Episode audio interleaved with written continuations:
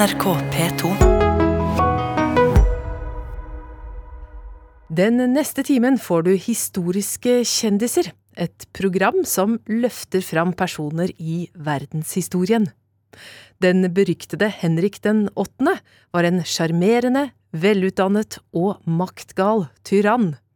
Hans tid på tronen er preget av paranoia, svik og døde koner. Programleder er Alexandra Gjerpen.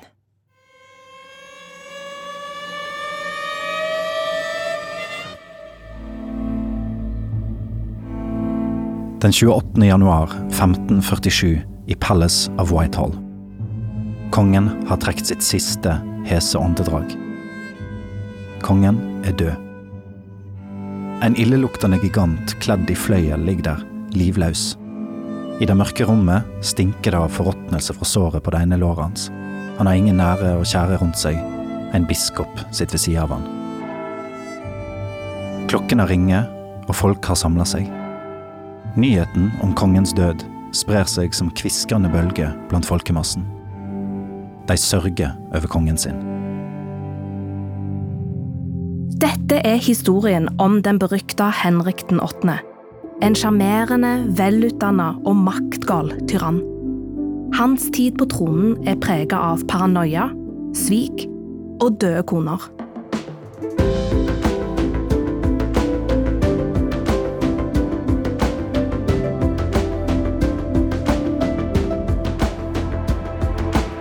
Du lytter til Historiske kjendiser med Alexandra Gjerpen. Henrik den 8. er død. År 1547 forlater en av de kongene som forandra England mest, verden. Arven hans kommer til å forme landet i hundrevis av år framover. Men det er ikke de politiske reformene hans som gjør at han går inn i historien. Det er hensynsløsheten, grusomheten og kanskje fremfor alt de seks ekteskapene hans som kommer til å gjøre han til Englands mest berømte konge. Og disse kvinnene han var gift med, spiller heller ingen biroller i historien. For det er en avgjørelse om kjærlighetslivet hans som skal snu opp ned på hele det engelske samfunnet.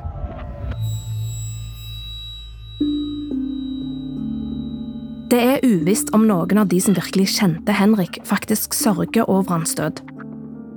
Men denne sykt mistenksomme regenten og konemorderen som nettopp trakk sitt siste åndedrag, har ikke alltid vært sånn. Det var egentlig ikke meningen at han skulle bli konge i det hele tatt. En gang var han bare lillebroren til landets kronprins. Henrik den åttendes far, Henrik den syvende, sitter på tronen i England og har arrangert bryllup mellom sin eldste sønn Arthur og den spanske prinsessen Katarina av Aragon. På bryllupsdagen 14. november år 1501 får lillebror Henrik, som da er ti år gammel, æren av å geleide bruden over fra palasset og til alteret i St. Paulskatedralen.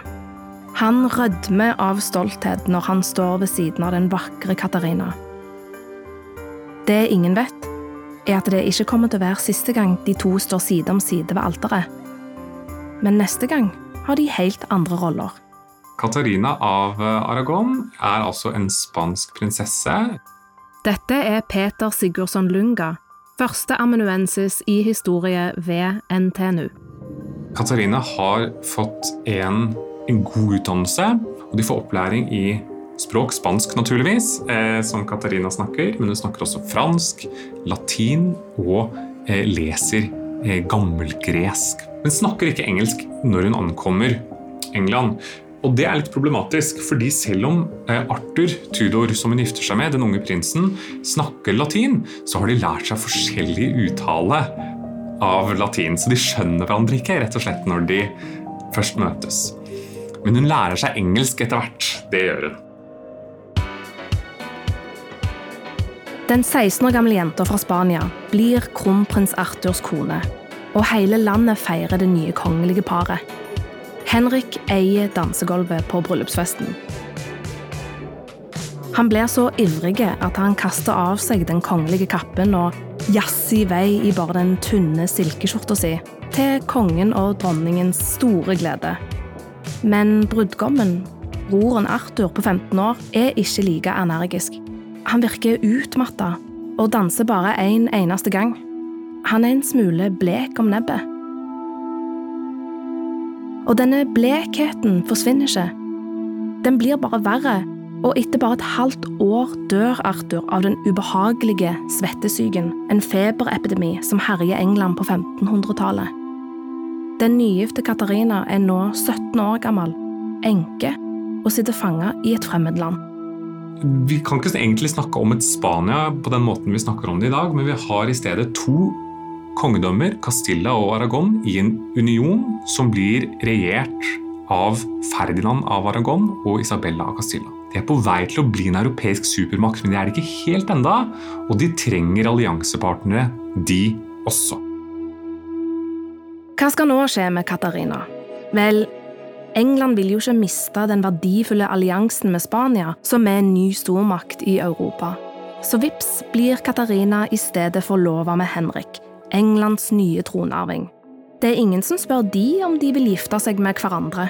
Kongelige ekteskap på 1500-tallet handler nemlig veldig lite om kjærlighet. Det er tvers gjennom politisk. Og så roter de det til. Eh, Henrik 7. venter med å la ekteskapet eh, gjennomføres. Det er skiftende allianser i Europa som foregår hele tiden. og Derfor så blir dette ekteskapet satt på vent ganske lenge. Og Katarina er misfornøyd, naturligvis. Hun klager over dårlig behandling. Og i 1509 så gir Katarina nesten opp og, og begynner å gjøre seg klar til hjemreisen. Men så dør Henrik den 7. Kongen er død. Leve Henrik den 8. Den bare 17 år gamle Henrik blir utropt til ny regent og står nå ved siden av Katarina av Aragon ved alteret igjen. Denne gangen som brudgom. De har måttet trikse litt for å få gjennomført ekteskapet, siden Katarina jo var gift med Henriks bror i et halvt år, er det noen utfordringer med kirka. Fordi Katarina hadde vært gift med Henriks eldre bror, så er hun å regne etter datidens skikk som Henriks søster, altså i slekt. Og det var et ganske strengt forbud på tiden om å gifte seg med nære slektninger. Så de trenger altså pavens dispensasjon, et unntak, for å kunne inngå denne ekteskapstraktaten. Ifølge Bibelen får en nemlig ikke lov å gifte seg med sin brors kone, eller noen broren har hatt intim omgang med. Katarina sier at de ikke delte seng i mer enn syv netter i løpet av disse månedene, og at det ikke skjedde noen ting mellom de to. De konkluderer med at Katarina mest sannsynlig fortsatt er jomfru, og derfor kan de gifte seg i juni 1509. Vielsesseremonien er enkel, men kroningen er desto mer kostbar. Katarina sitter i en bærestol kledd i hvitt tøy og gull, som blir båret mellom to hvite hester. Hun har på seg en gullbrodert hvit kjole, og det fyldige, mørke håret hennes er pryda av en vakker krone dekorert med juveler. Henrik rir ved siden av henne, kledd i rød fløyel med gulldetaljer. En ekstrem kontrast til Katarinas hvitkledde skikkelse. Folket jubler ekstatisk hurra for deres dronning og konge. Og for en konge han er! Henrik er virkelig et kupp for Katarina. Når han blir krona til konge, beskriver en diplomat han som den stiligste statsmannen jeg noensinne har sett. Blant annet så har han visstnok Europas flotteste bein, og nettopp leggene er hotte kroppsdeler på adelsmenn i Europa på 1500-tallet. Men det er jo ikke bare beina til Henrik som er supersexy. Han er generelt godt trent, en utrolig dyktig rytter og en jævel til å svinge lansen under ridderturnering. Han elsker ridderturneringer og ser på seg selv som en, en, en ridder i, en romantisk ridder i det middelalderske idealet, nesten. ikke sant? Men han er også en lærd person. Lynende intelligent. Hele livet er han veldig aktiv. Teater, dans, musikk, maskeradeball, og han behersker alle disse arenaene på en strålende måte. Dessuten så er han en romantiker som varter opp Katarina med haugevis av kreative kjærlighetserklæringer, små maskerader der han og offiserene kler seg ut som f.eks. Robin Hood, og overrasker dronningen og hoffdamene hennes. De skriker av glede når mennene stormer inn på rommet deres. Katarina og Henrik hadde et lykkelig ekteskap. Han erklærte som 18-åring da, i 1509, da de giftet seg, at han var forelsket. Det var nok en grad av det vi kan kalle kjærlighet i dette ekteskapet. Omsorg, omtanke. De sendte hverandre gaver når de var eh, borte fra hverandre. Eh, de opptrådte sammen. De var et, de var et superpar på, på mange måter. Henrik og Katarinas liv er rett og slett fantastisk. De har trukket vinnerloddet. De tilhører kremen av makthaverne i Europa og har en fremtid som herskere. Som en bonus er de i tillegg forelska i hverandre. Men ikke nok med det. De har noe mer til felles. De er begge to like maktgalne. 1500-tallets Europa er ikke et fredelig sted, og Henrik er ikke en spesielt fredelig konge. Når han går i krig mot erkefienden Frankrike, overlater han kontrollen over England til Katarina. Hun går inn i rollen som regent med store ambisjoner. Og når naboen Skottland, støtta av den franske kongen, angriper England, så er ikke hun den som er redd for å gå i krig.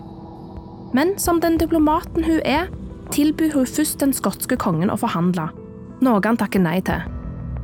Det skulle han ikke ha gjort. Krigen bryter ut, og Katarina sørger for at det blir et fullstendig og blodig nederlag for Skottland. Henrik ser på det blodige plagget han har i hånda si. Så leser han brevet som var sendt med det. Jeg har holdt løftet mitt om barmhjertighet og sendt deg frakken til den skotske kongen. Intensjonen min var å sende deg den døde kroppen hans, men engelskmennene sine hjerter ville ikke klart det. Kongen legger rolig fra seg brevet. Dronningen hans er blodtørstig. Nøyaktig hans type. Skottland mister kongen sin, og tusenvis av menn i kampene som utkjempes med sverd, spyd og pil og bue. En kurer leverer beskjeden til Henrik i Frankrike. Katarina ville egentlig sende den skotske kongens hode som trofé, men fikk nøye seg med den blodige frakken hans, siden engelskmennene var så pysete. Ja, Katarina er en handlekraftig dronning som ikke vil nøye seg med å sitte hjemme. I tillegg til handlekraften er hun gudfryktig, vakker og, for ikke å glemme, et godt parti for England. Den perfekte dronningen, med andre ord. Kanskje hun til og med enda skarpere enn sin ektemake. Men det er ikke nok for en dronning bare å være en driftig politiker. Hun skal føde, ja, sønner. Katarina blir gravid flere ganger i ekteskapet, men nesten alle svangerskapene ender i dødfødsler eller spontanabort. Hun får en gutt, men det lille barnet lever bare noen uker. Kongeparet sørger over tap av sitt barn. Dette er første gang Henriks håp om å få en sønn går i grus. Barnedødeligheten er skyhøy på 1500-tallet. Naturligvis fram til moderne tid så er det relativt stor barnedødelighet. Vi kan anslå at omkring 20 av eh, barna som ble født, døde det første året. Og 10 prosent døde før de var ti år gamle. Slik at det er en ganske høy eh, barnedødelighet også blant aristokratiet, også blant de kongelige. Bare ett av Katarinas barn overlever, til tross for minst seks graviditeter. Det er til Henriks store skuffelse ei jente, Maria, født 1516.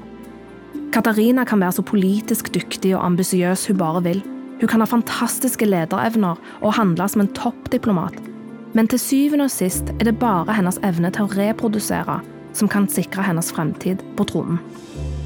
For Henrik må ha en mannlig tronarving. Uansett hvor selvsikker han ser ut, så er han faktisk en veldig bekymra konge. Allerede i ung alder følte han på at det ikke var en selvfølge å beholde tronen. Det var flere andre som gjorde krav på å få styre England. Kaoset rundt arverekkefølgen var rester av de blodige konfliktene som herja i England på 1400-tallet. De såkalte rosekrigene var en kamp mellom familiene York og Lancaster om Englands trone, og siden Henriks familie, Tudorene, var i slekt med Lancasterne, ble de med i krigen på Lancaster-siden. Tudor-familien var jo en ganske ny familie på den engelske tronen. De kommer inn helt til slutten av rosekrigene som kandidat for da Lancaster-familien. og Det er Henrik den 7., som blir Lancaster-familiens siste håp. Og blir da Tudor-familiens første konge. Men han mangler legitimitet i ganske stor grad. Det er ganske mange arvinger altså mange kongearvinger, mange andre mulige tronarvinger rundt omkring i det engelske aristokratiet. Henrik tilhører kongedynastiet Tudor-ætten, og den må fortsette å være stabil for at det ikke skal blusse opp krig igjen. Og hvis det ikke fins en frisk og sterk kronprins, risikerer landet atter en gang å havne i borgerkrig og kamp om hvem som skal sitte på tronen. Henrik blir bare mer og mer nervøs ettersom tida går og Katarina ennå ikke har født en frisk sønn. Kanskje han allerede nå tenker at det er henne det er noe galt med. Han begynner å rette blikket mot andre kvinner, nå enda mer enn før. Selv om Henrik, i alle fall i begynnelsen, er forelska i sin Katarina, har han elskerinner på si. Men hvordan fungerer egentlig det når man er katolikk? På 1500-tallet er jo utroskap en ekte forbrytelse, og det blir vanligvis hardt straffa. Men det er allikevel en i England som ser ut til å få ligge rundt så mye han bare vil. Kongen. Altså, Det var jo i teorien straffbart å ha sex utenfor ekteskapet. Men dette var sett på først og fremst som en religiøs forbrytelse. Så det lå til kirkelige domstoler å avsi kirkelige straffer, ikke sant? bønner, pilegrimsreiser osv., som straff for utroskap. Og så er det jo sånn, og det var det jo på denne tiden også, at det gjelder som regel én lov for de som er høyt oppe, og én lov for vanlige mennesker. Sånn at aristokrater ble sjelden tiltalt eller straffet for den slags. Og her må jeg presisere mannlige aristokrater ble sjelden tiltalt og straffet for den slags. Slik at når man var konge, som Henrik 8., så er det jo klart at da er det jo fritt fram dette betyr at de kvinnene han velger ut som sine elskerinner, òg har et frikort for sex utenfor ekteskapet, nemlig kongen. For de unge jentene ble det mer eller mindre sett på som en ære å få være kongens legetøy en stund. Hvis kongen gjør kult til deg, hvis kongen legger an på deg, så skal det mye mot til for å si nei til det. Og det handler ikke bare om hva kongen kan gjøre for sine elskerinner, men også hva kongen kan gjøre for familiene deres. Når kongen så var lei, ga han de som regel videre og gifta vekk elskerinnen til en adelsmann av rang. Alt dette passer Henrik som hånd i hanske, for han er en skikkelig skjørtejeger. Elskerinnene hans finner han blant Katarinas egne hoffdamer. Med en av elskerinnene får han òg en sønn som får navnet Henrik etter sin far. Nå mener han virkelig at han har bevis på at det er Katarina det er noe galt med. Han kan jo tydeligvis få guttebarn med andre kvinner. Kongen begynner å se seg om etter alternative løsninger. Hvor langt er han villig til å gå for å få det som han vil? Det skal vi snart få se. Hun prater og gestikulerer elegant og verdensvant bak den perlekledde maska. Når hun blir stille, svarer de som er samla rundt henne, med latter. Hun får alles udelte oppmerksomhet, og Henriks. Han får øye på Anne Boleyn. Han beveger seg bort mot selskapet der hun er midtpunktet, og når han nesten er framme, setter hun av gårde med raske, lette skritt mot den andre sida av rommet. Hun snur seg rundt, og han fanger grådig det intense blikket hennes. Men hun viker bevisst unna. Anne er ikke interessert i å gjøre som søstera si, Mary, og bli en av elskerinnene i haremet hans. Tidlig på 1520-tallet møter han noen som vil endre både hans eget liv og Englands framtid. Anne Boleyn, en mørkøyd, slagferdig hoffdame som akkurat har kommet hjem fra Frankrike, gjør en tre i livet hans. Diplomatdatteren som er kjent for sine gode manerer. Hun har studert i Paris og jobba som hoffdame for dronning Claude av Frankrike. Hun blir jo beskrevet av flere på denne tiden som ikke være noe spesielt bemerkelsesverdig vakker. i hvert fall da. Hun har vakre øyne, blir det sagt, men det er nok først og fremst personligheten og manerene hennes og intelligensen, eh, vittighetene, som tiltrekker eh, Henrik først og fremst. da. Hun er verdensvant, og henne vil Henrik ha. Men hun ser ikke ut til å ville ha han, og unngår derfor oppmerksomheten han gir henne. Henrik er ikke vant til dette. Du hører historiske kjendiser i NRK P2. For Anne Boleyn ønsker absolutt ikke en skjebne som en av kongens elskerinner. Hvorfor skal hun være en i rekken av unge kvinner som tilfredsstiller Henrik en liten stund, for så å bli kasta til side? Hennes egen søster Mary har allerede havna i Henriks seng. Skal Anne nå bli hans neste tidsfordriv? Nei takk, du. Kanskje det er derfor Henrik blir helt besatt av henne. Han blir opp til ørene forelska og greier ikke å legge vekk tanken om å ligge med nettopp henne. Skjermoffensiven begynner, og den tar ikke slutt. Men med en slags taktfull uoppnåelighet avviser Anne alle Henriks sjarmerende forslag og invitasjoner. Ja, du kan kalle de sjarmerende invitasjoner, men i dag ville de sannsynligvis blitt sett på som direkte seksuell trakassering. Anne biter tennene sammen. Hun håper sikkert at han skal bli lei og finne en ny hoftearm å prøve seg på. Men det gjør han ikke. Tvert imot. Henrik, som alltid får det sånn som han vil, bestemmer seg for at han skal ha Anne. Koste hva det koste vil. Og det kommer til å koste. Mer enn noen kan forestille seg.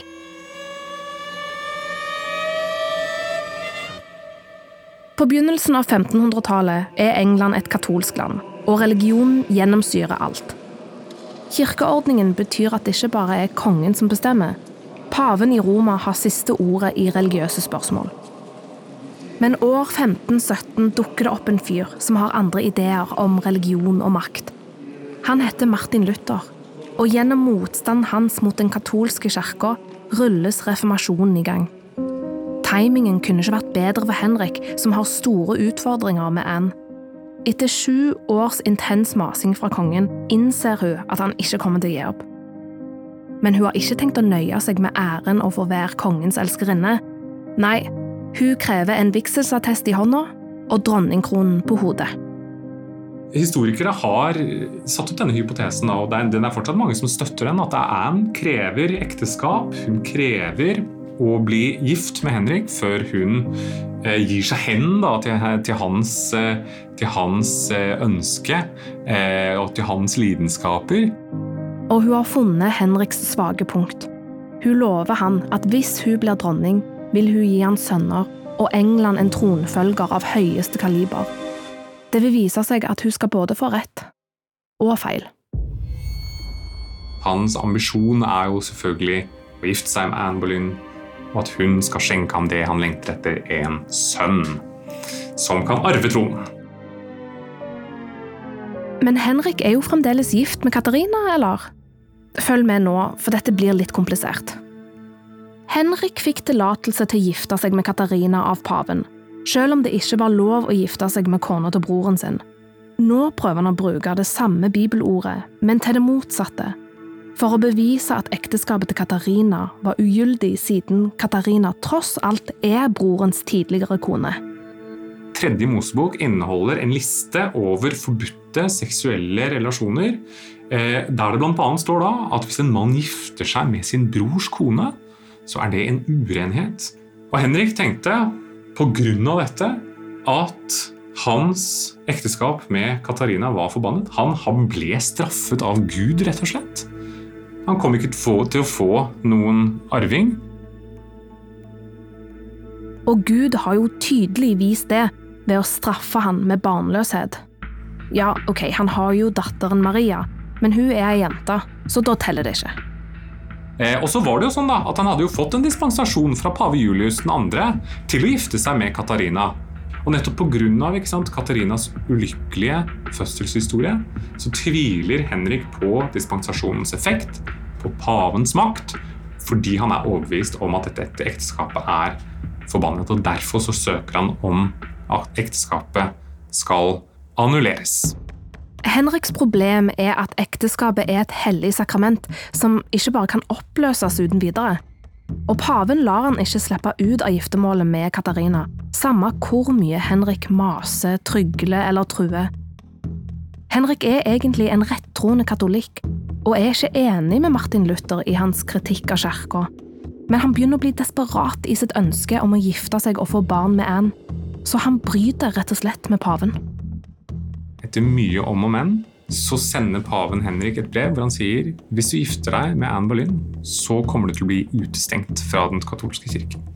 Henrik bestemmer seg derfor for at han må ta saken i egne hender, og dermed så innfører han en rekke lover som gjør han til overhode for den engelske kirken. Han presser gjennom reformasjonen i England, og den anglikanske kirka ser dagens lys. En bonus for Henrik er selvfølgelig at reformasjonen gir han økt makt og fri tilgang til de mange engelske klostrenes rikdommer. Henrik var ikke enig med de europeiske protestantenes syn på den katolske kirken. For eksempel. han likte hierarkiet, han likte sakramentene. Så han ville gjerne ha katolisisme i England. Han ville bare ikke høre på paven. Han ville være sjefen sjæl. Forenkla sagt så kan vi vel si at han har skapt sin egen mellomting mellom protestantisme og katolisisme. Nå er kongen sjøl både den høyeste religiøse og politiske lederen i landet. Med andre ord allmektig. Henriks fremste gud er nå han sjøl, og ekteskapet med Katarina blir oppløst. Som hun nekter å akseptere. Så hun er ikke noe særlig fornøyd med Henriks forhold til Anne, naturligvis, og hun nekter å samarbeide med alle eh, Henriks allierte, og nekter å si fra seg også tittelen som dronning. Men Katarina kan være så sta hun bare vil. Hun blir sendt ut på landsbygda og blir tvunget til å overlevere smykkene og dronningkronen til Anne. Anne på sin side har allerede i det skjulte begynt som dronning. Hun har vært med på statsbesøk, og når dronningtittelen nå er innenfor rekkevidde, er Henriks syv år lange ventetid over. Han får endelig gifte seg med Anne. Når hun blir krona til dronning i år 1533, er det tydelig for alle at hun er gravid. Så for å oppsummere, hva har Henrik nå gjort? Han har trossa den mektigste personen i Europa, paven, brutt seg løs fra en viktig politisk avtale, altså ekteskapet med Katarina, og tvunget fram en fullstendig gjennomgripende endring i samfunnet, reformasjonen. Alt for å få vilja si i noe så privat som et kjærlighetsforhold. Henrik er svært fornøyd med å ha Anne ved sin side, men det er ikke folket, og store deler av hoffet hater den nye dronningen. Katarina er en ganske populær dronning. Anne var ikke populær. Folket har stor sympati for Katarina som en bedratt hustru. Når hun skal krone, så jubler folk for kroningsseremonien. De kaster hattene sine i lufta. Eh, når Anne ble kronet, så fortelles det at folkemengden var stille. De surmulte, at de nektet å juble for henne, at de nektet å ta av seg hatten for den nye dronningen. Katarina har vært en god og trofast dronning i 20 år, og folket er lojale mot henne.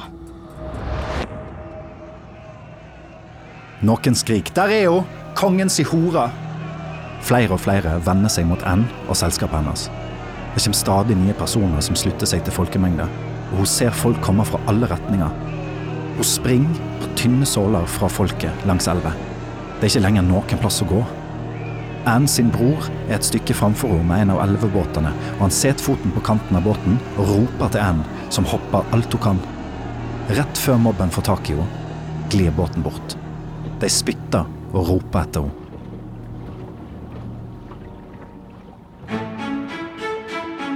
Men folkets misnøye med Anne ser ikke ut til å forstyrre kongen.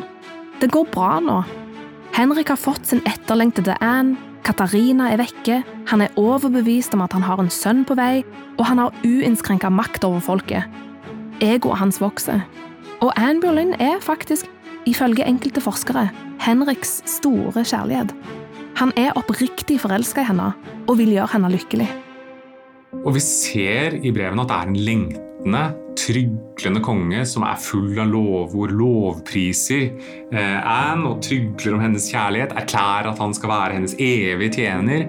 Og om det er ekte kjærlighet, så vil jeg, jeg vil si ja altså, på det spørsmålet der. I hvert fall i den grad vi som historikere kan si noe om det er ekte kjærlighet. Men hvis vi ser på disse brevene, helt klart kongen er hodestups forelsket. Det går til og med så langt at Henrik har planer om å gjøre henne til medregent noe som altså vil bety at hun skulle få politisk makt. Anne er intelligent og utdanna, så det er ingen dårlig idé. Det blir ingenting av, men tanken viser allikevel hvor stor respekt han har for henne. Og Henrik 8. ønsker og forventer at Anne eh, føder ham en sønn. Den 7. september 1533. Riene kommer tettere. Dronning Anne sine hoffdamer og en livlege er til stede. Henrik går fram og tilbake, puster og peser, som om det var han som skulle føde. Han har forberedt festen som skal ønske den etterlengta sønnen sin velkommen til verden. Sånn som Anne har lova han. Ei hoffdame kommer for å hente kongen inn til Anne sitt rom. Anne ser opp på han med utmatta øyne og håret rett opp. Blikket deres møtes. Hun rister på hodet og sier bare ett ord unnskyld. I armene hennes hviler et jentebarn. Nei, det blir ingen sønn. Det er bare å endre på de offentlige dokumentene som ligger klare. For der står det at den nyfødte er en prins, ikke prinsesse. Så selv om jenta er et friskt barn, er skuffelsen komplett. Når Elisabeth ble født i 1533, så skjuler ikke Henrik den 8 skuffelsen. Han er dypt skuffet. Anne blir sannsynligvis litt nervøs allerede nå. Hun har jo lova kongen at hun skal gi han sønner. Og folket blir ikke akkurat mer vennlig innstilt til henne med tida. Tvert imot. Det kommer jo ingen mannlige tronarvinger. Mange mener at kongen nå blir straffa av Gud for ekteskapet med Anne. Bak gardinene på slottet hviskes og tiskes det blant Annes mange fiender. Det begynner å se skikkelig mørkt ut for henne. Utad så er kanskje Henrik tapper. Gutter kommer nok, sier han sikkert til noen eh, diplomater. Anne er fortsatt uh, ung, hun er fruktbar, hun blir gravid på nytt. Men hun spontanaborterer året etter at det første barnet blir født. Så blir Henrik bekymret igjen for at kanskje noe er galt også med dette ekteskapet. At Gud straffer han fordi dette heller ikke var gyldig inngått. Henrik blir utålmodig. Her har han oppvarta Anne i årevis, og så leverer hun ikke som hun har lova. Hvis ikke hun får en sønn snart, så er hennes dager som dronning talte. Akkurat som i sitt forrige ekteskap begynner Henrik å se seg om etter andre kvinner. Og han går ikke langt. Denne gangen òg leide han blant dronningens hoffdamer. Jane Seymour er en av Anne Boleyn's eh, hoffdamer. Det fortelles bl.a. at eh, Jane og, og um, Henrik eh, flørter åpent ved hoffet. Jane Seymour blir kongens nye favoritt. Dette merker Anne, og hun har ikke tenkt å sitte stille og se på når Henrik forfører hoffdamen fremfor øynene hennes. Jane ler for seg sjøl og holder hånda rundt noe i hjertehøyde når hun går ut av soverommet til kongen. Hun ser ikke at Anne stirrer på henne på avstand i korridoren. Kom hit! brøler Anne. Jane rykker til og snur seg mot dronningen sin.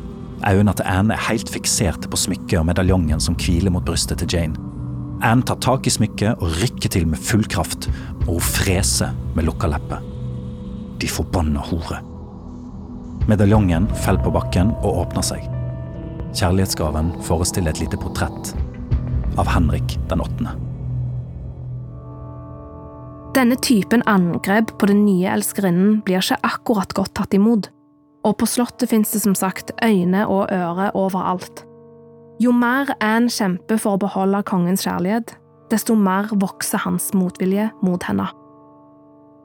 Men Anne har fremdeles en sjanse og hun blir gravid igjen. Nå må det være en kronprins. Januar år 1536 blir skjebnesmåneden for Anne.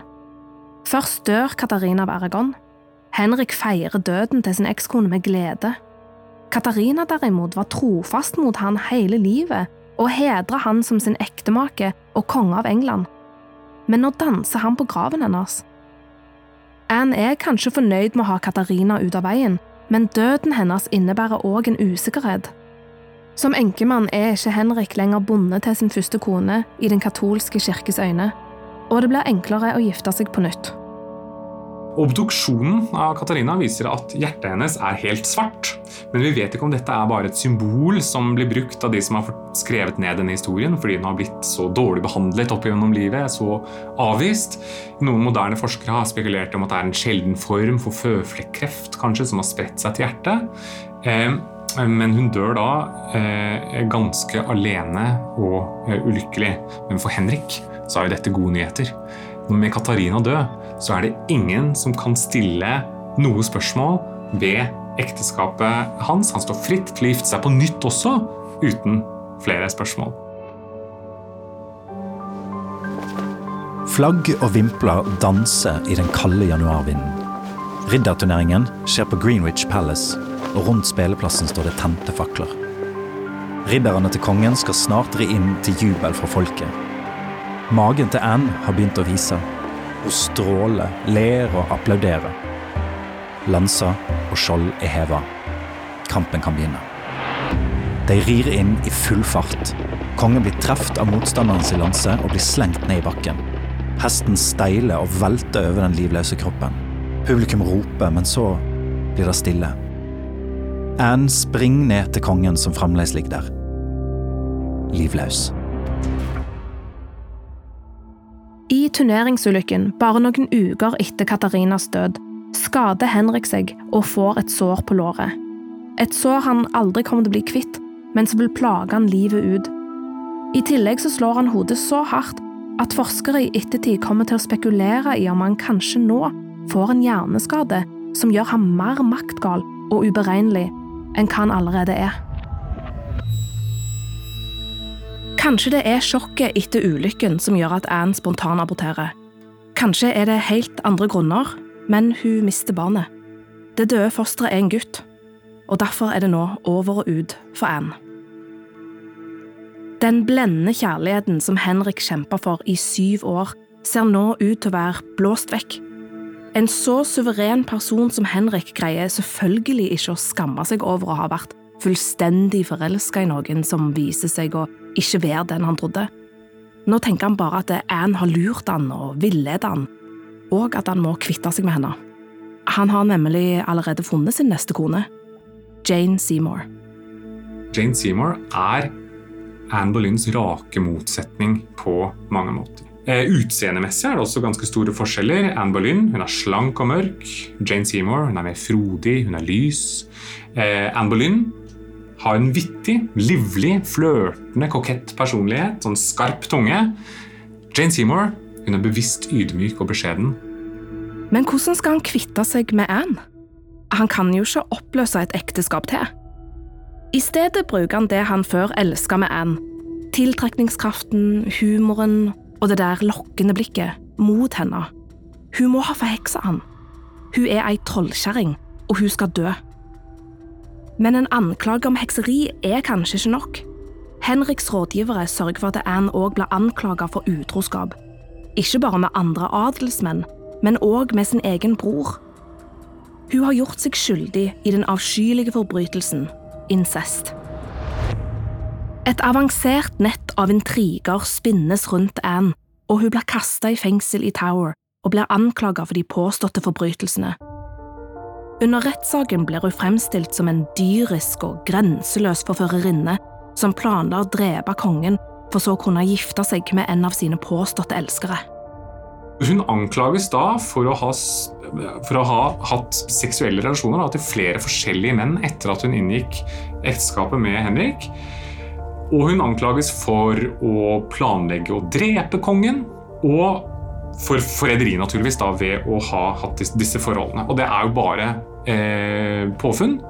Men gitt den litt ulykkelige situasjonen Henrik var i, og kanskje han fortsatt er litt fortumlet etter å ha ramla av hesten og slått hodet sitt, så er han veldig villig til å tro på alle disse anklagene. Det er ingen som tror at anklagene er sanne, men ingen våger å stille spørsmål til det den allmektige kongen sier. Han som på dette tidspunktet er i dårlig form og drikker tett. Anne Boleyn blir dømt til døden, ved å bli brent levende på bålet eller halshogd. Kongen skal få velge hvordan hun dør. Morgenlyset skinner på støvet som sirkulerer sakte rundt i det fuktige rommet der Anne Boleyn blir holdt innelåst. Hun får hjelp til å ta på seg klærne som hun skal dø i. Kongen har leid en bøddel fra Frankrike for å hogge av hodet hennes med et sverd, ikke øks. Den barmhjertigheten har han vist henne. Anne har på førehånd blitt forsikra om at hun ikke skal lide. Å bli halshogd med et sverd er smertefritt, blir det sagt. Når hun hører dette, bryter hun ut i latter og legger hendene sine rundt halsen og sier jeg har hørt at bøddelen er dyktig, og jeg har en smal hals.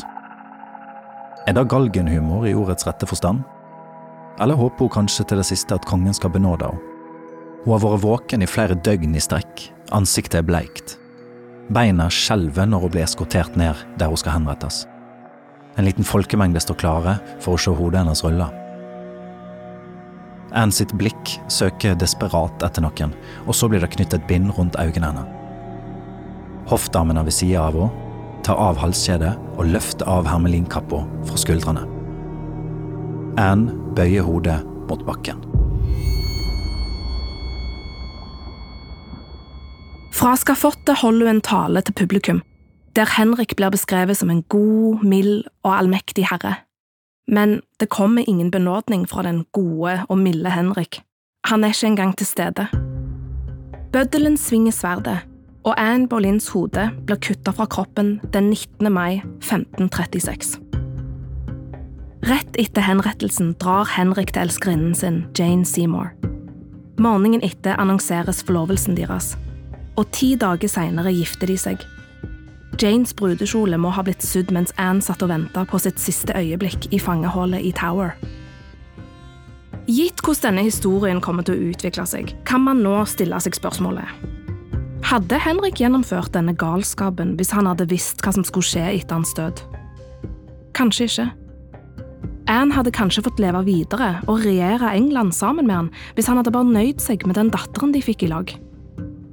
Men selv om han i fulleste alvor ser seg selv som Guds stedsfortredende på jord, så kan han til Annes store tragedie ikke se inn i framtida.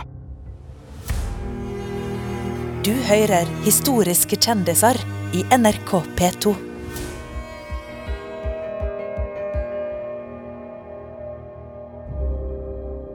For nå er Henrik kommet til sin tredje kone, og for hver dag som går uten en mannlig tronarving, blir han mer og mer paranoid. Han ser forrædere bak hvert et hjørne og gjør alt han kan for å kontrollere sine undersåtter og rådgivere. Kongen holder de politiske planene sine for seg sjøl og vegrer seg for å dele dem med noen. Og hvis jeg trodde at hatten min visste hva jeg tenkte, hadde jeg kasta den i ilden, er et av hans berømte sitater. Med andre ord, han stoler ikke på noen, og ingen kan stole på Henrik.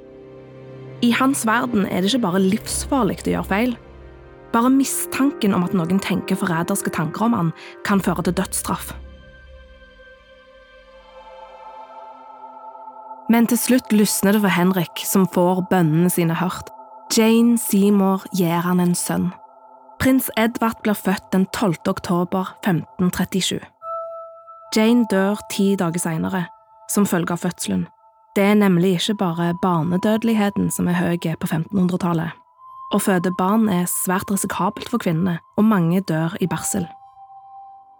Barnefødsler var nok noe av det aller farligste man kunne gjøre på denne tiden.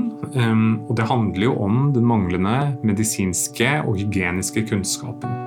Det var jo ofte jordmødre, da, lokale jordmødre, som hjalp til når vanlige folk eh, skulle føde. Jane Seymour var dronning, så for henne så gjaldt det nok noen litt andre forhold. Når hun skulle eh, føde, så var det jo sånn at hun skulle ha de aller beste legene. Det betydde imidlertid at noen av de mest erfarne jord jordmødrene ble utestengt. Etter Janes død begynner Henrik nesten med en gang å se seg om etter en ny hustru. Henrik har nå vært gift tre ganger. Han er 46 år gammel. Han har svært dårlig helse. Han har en dårlig ekteskapsmessig historie. Han har støtt fra seg den første kona si. Han har henrettet den andre eh, kona si.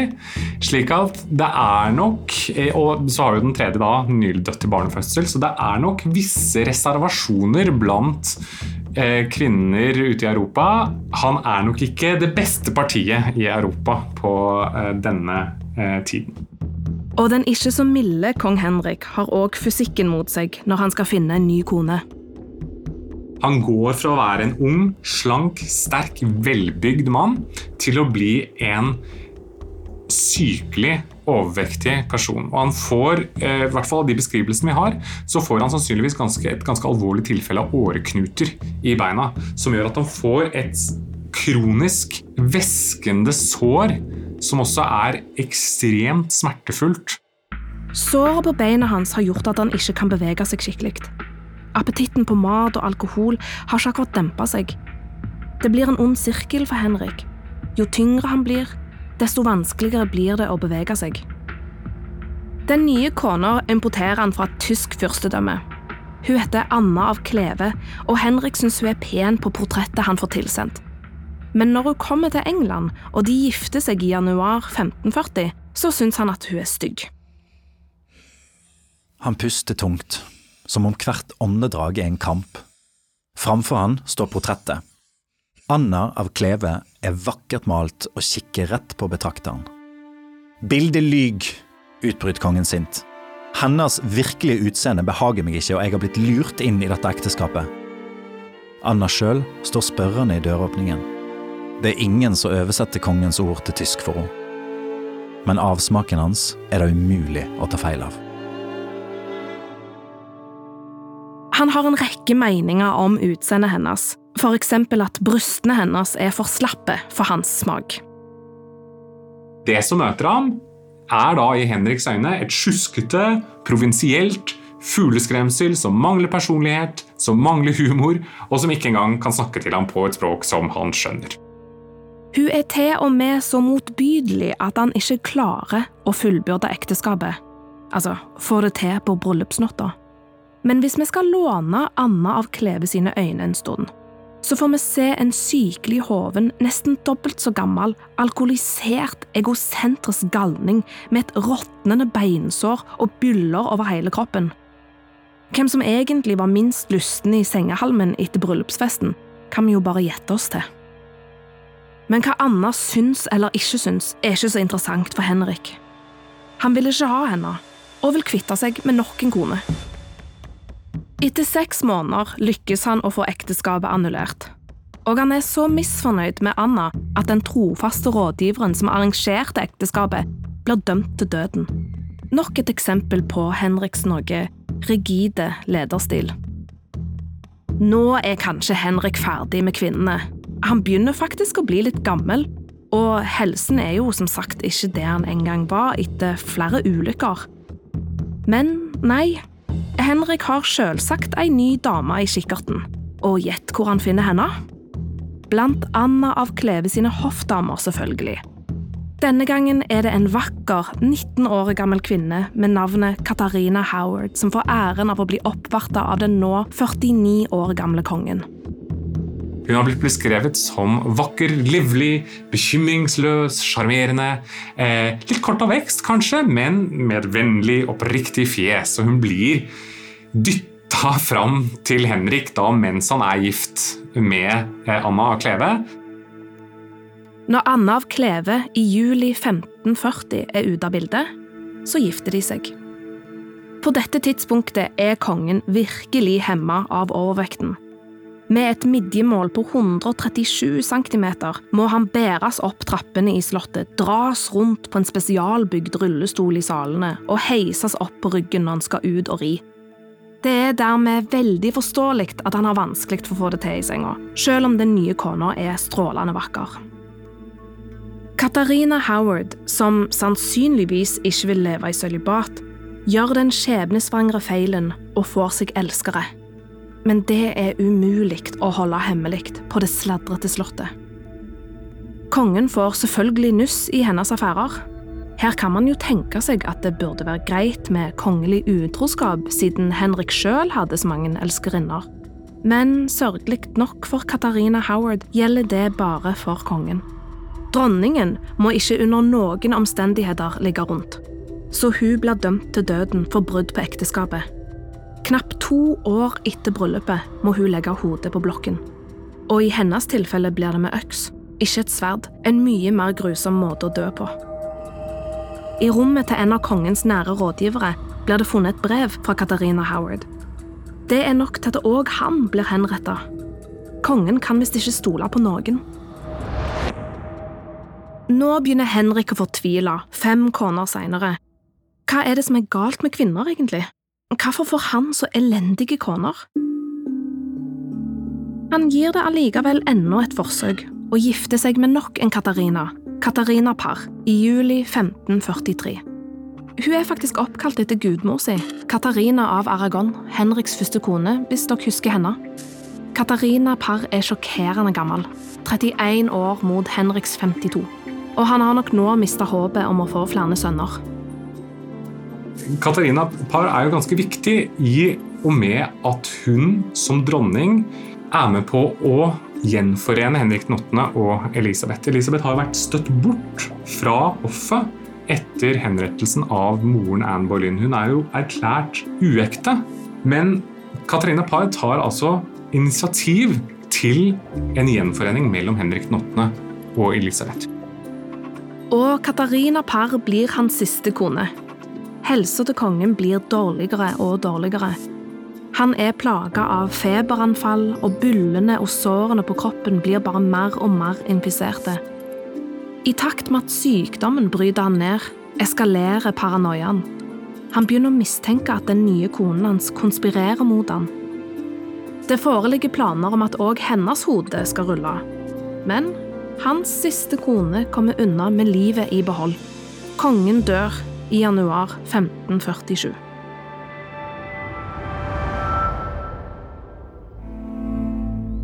Folket sørger over sin døde tyrann. For til tross for alle konene og rådgiverne som har blitt henretta, til tross for hans stormannsgalskap, så var han en populær konge. Så hva skjer nå med arverekken som kongen hele livet har vært så besatt av å sikre med en sønn? Jo, den ene sønnen han har fått, innenfor ekteskap, med sin tredje kone Jane Seymour, prins Edvard, blir konge, men med en verge da den nye kongen bare er ti år. Men gutten er syk og dør bare 16 år gammel i 1553. Da overtar Maria, datteren til Katarina av Aragon, Henriks første kone. I sin korte regenttid prøver hun å få England tilbake til katolisismen. Men hun òg blir ramma av sykdom og dør i 1558 etter bare noen år på tronen. Den som deretter stiger fram, er Anne Boleyns datter, Elisabeth. Det eneste barnet Henrik fikk med Anne, konen som han henretta fordi hun ikke fødte en sønn, blir den som til slutt fører Henriks blodslinje videre. Elisabeth, Anne Boleyns og Henrik 8.s datter overtar tronen i 1558. Og det er altså takket være Henriks sjette og siste kone, Katarina Parr, at Elisabeth blir gjenforent med Henrik, og at hun dermed kommer inn i varmen ved hoffet og kan ta over tronen. Hvis Henrik hadde visst hvilken stor regent hun kom til å bli, så hadde han kanskje brukt livet sitt på å forberede henne på jobben som dronning, istedenfor å drepe og ødelegge kvinneliv i jakten på en sønn. Men datteren Elisabeth viser at hun klarer seg utmerka godt uten hans hjelp. Hun har kanskje arva tilstrekkelig mange av de gode egenskapene som gjorde Henrik til en sterk konge. Hun innleder en gullalder i engelsk historie. Det etablerer seg kanskje ikke som en supermakt på den europeiske eh, arenaen, men de slår den spanske armada. Dette er en gullalder også for litteratur, kunst, kultur, arkitektur. Dette er Shakespeare-tiden. Og viktigst av alt, kanskje, for resten av Englands historie. Hun fullfører reformasjonen hun legger mye av grunnlaget for den engelske kirke, monarkens makt over religionen, og hun legger også da grunnlaget for mye av den stabiliteten som England opplever i senere århundrer. Elisabeth tar over og blir en av de mest fremgangsrike monarkene i landets historie, og regjerer landet i 45 lange år. Det største Henrik etterlater seg, er altså sin andre datter, som blir dronning Elisabeth den første. Jomfrudronningen, som i motsetning til faren ikke blir kjent for død og tyranni, men for stabilitet, prakt og ære. Du har lytta til Historiske kjendiser av og med Alexandra Gjerpen, Preben Hodneland, Marte Rommetveit, Linn Helene Løken, Cecilia Dyringer og Tove Palén. Lydlegging Julia Øybrandt. Ettertida har dømt Henrik den 8. ganske hardt. Det er vanskelig med våre øyne å se han som noe annet enn en sjølopptatt galning. Men at han var en mektig mann, det kan vi i alle fall gi han.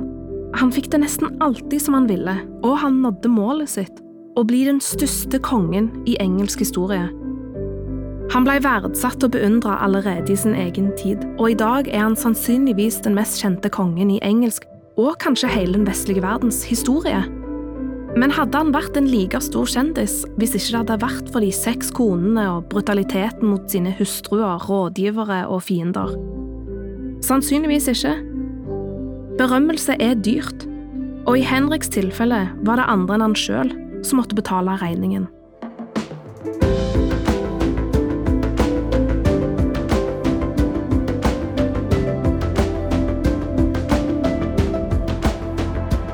Historiske kjendiser blir produsert av Munch Studios for NRK.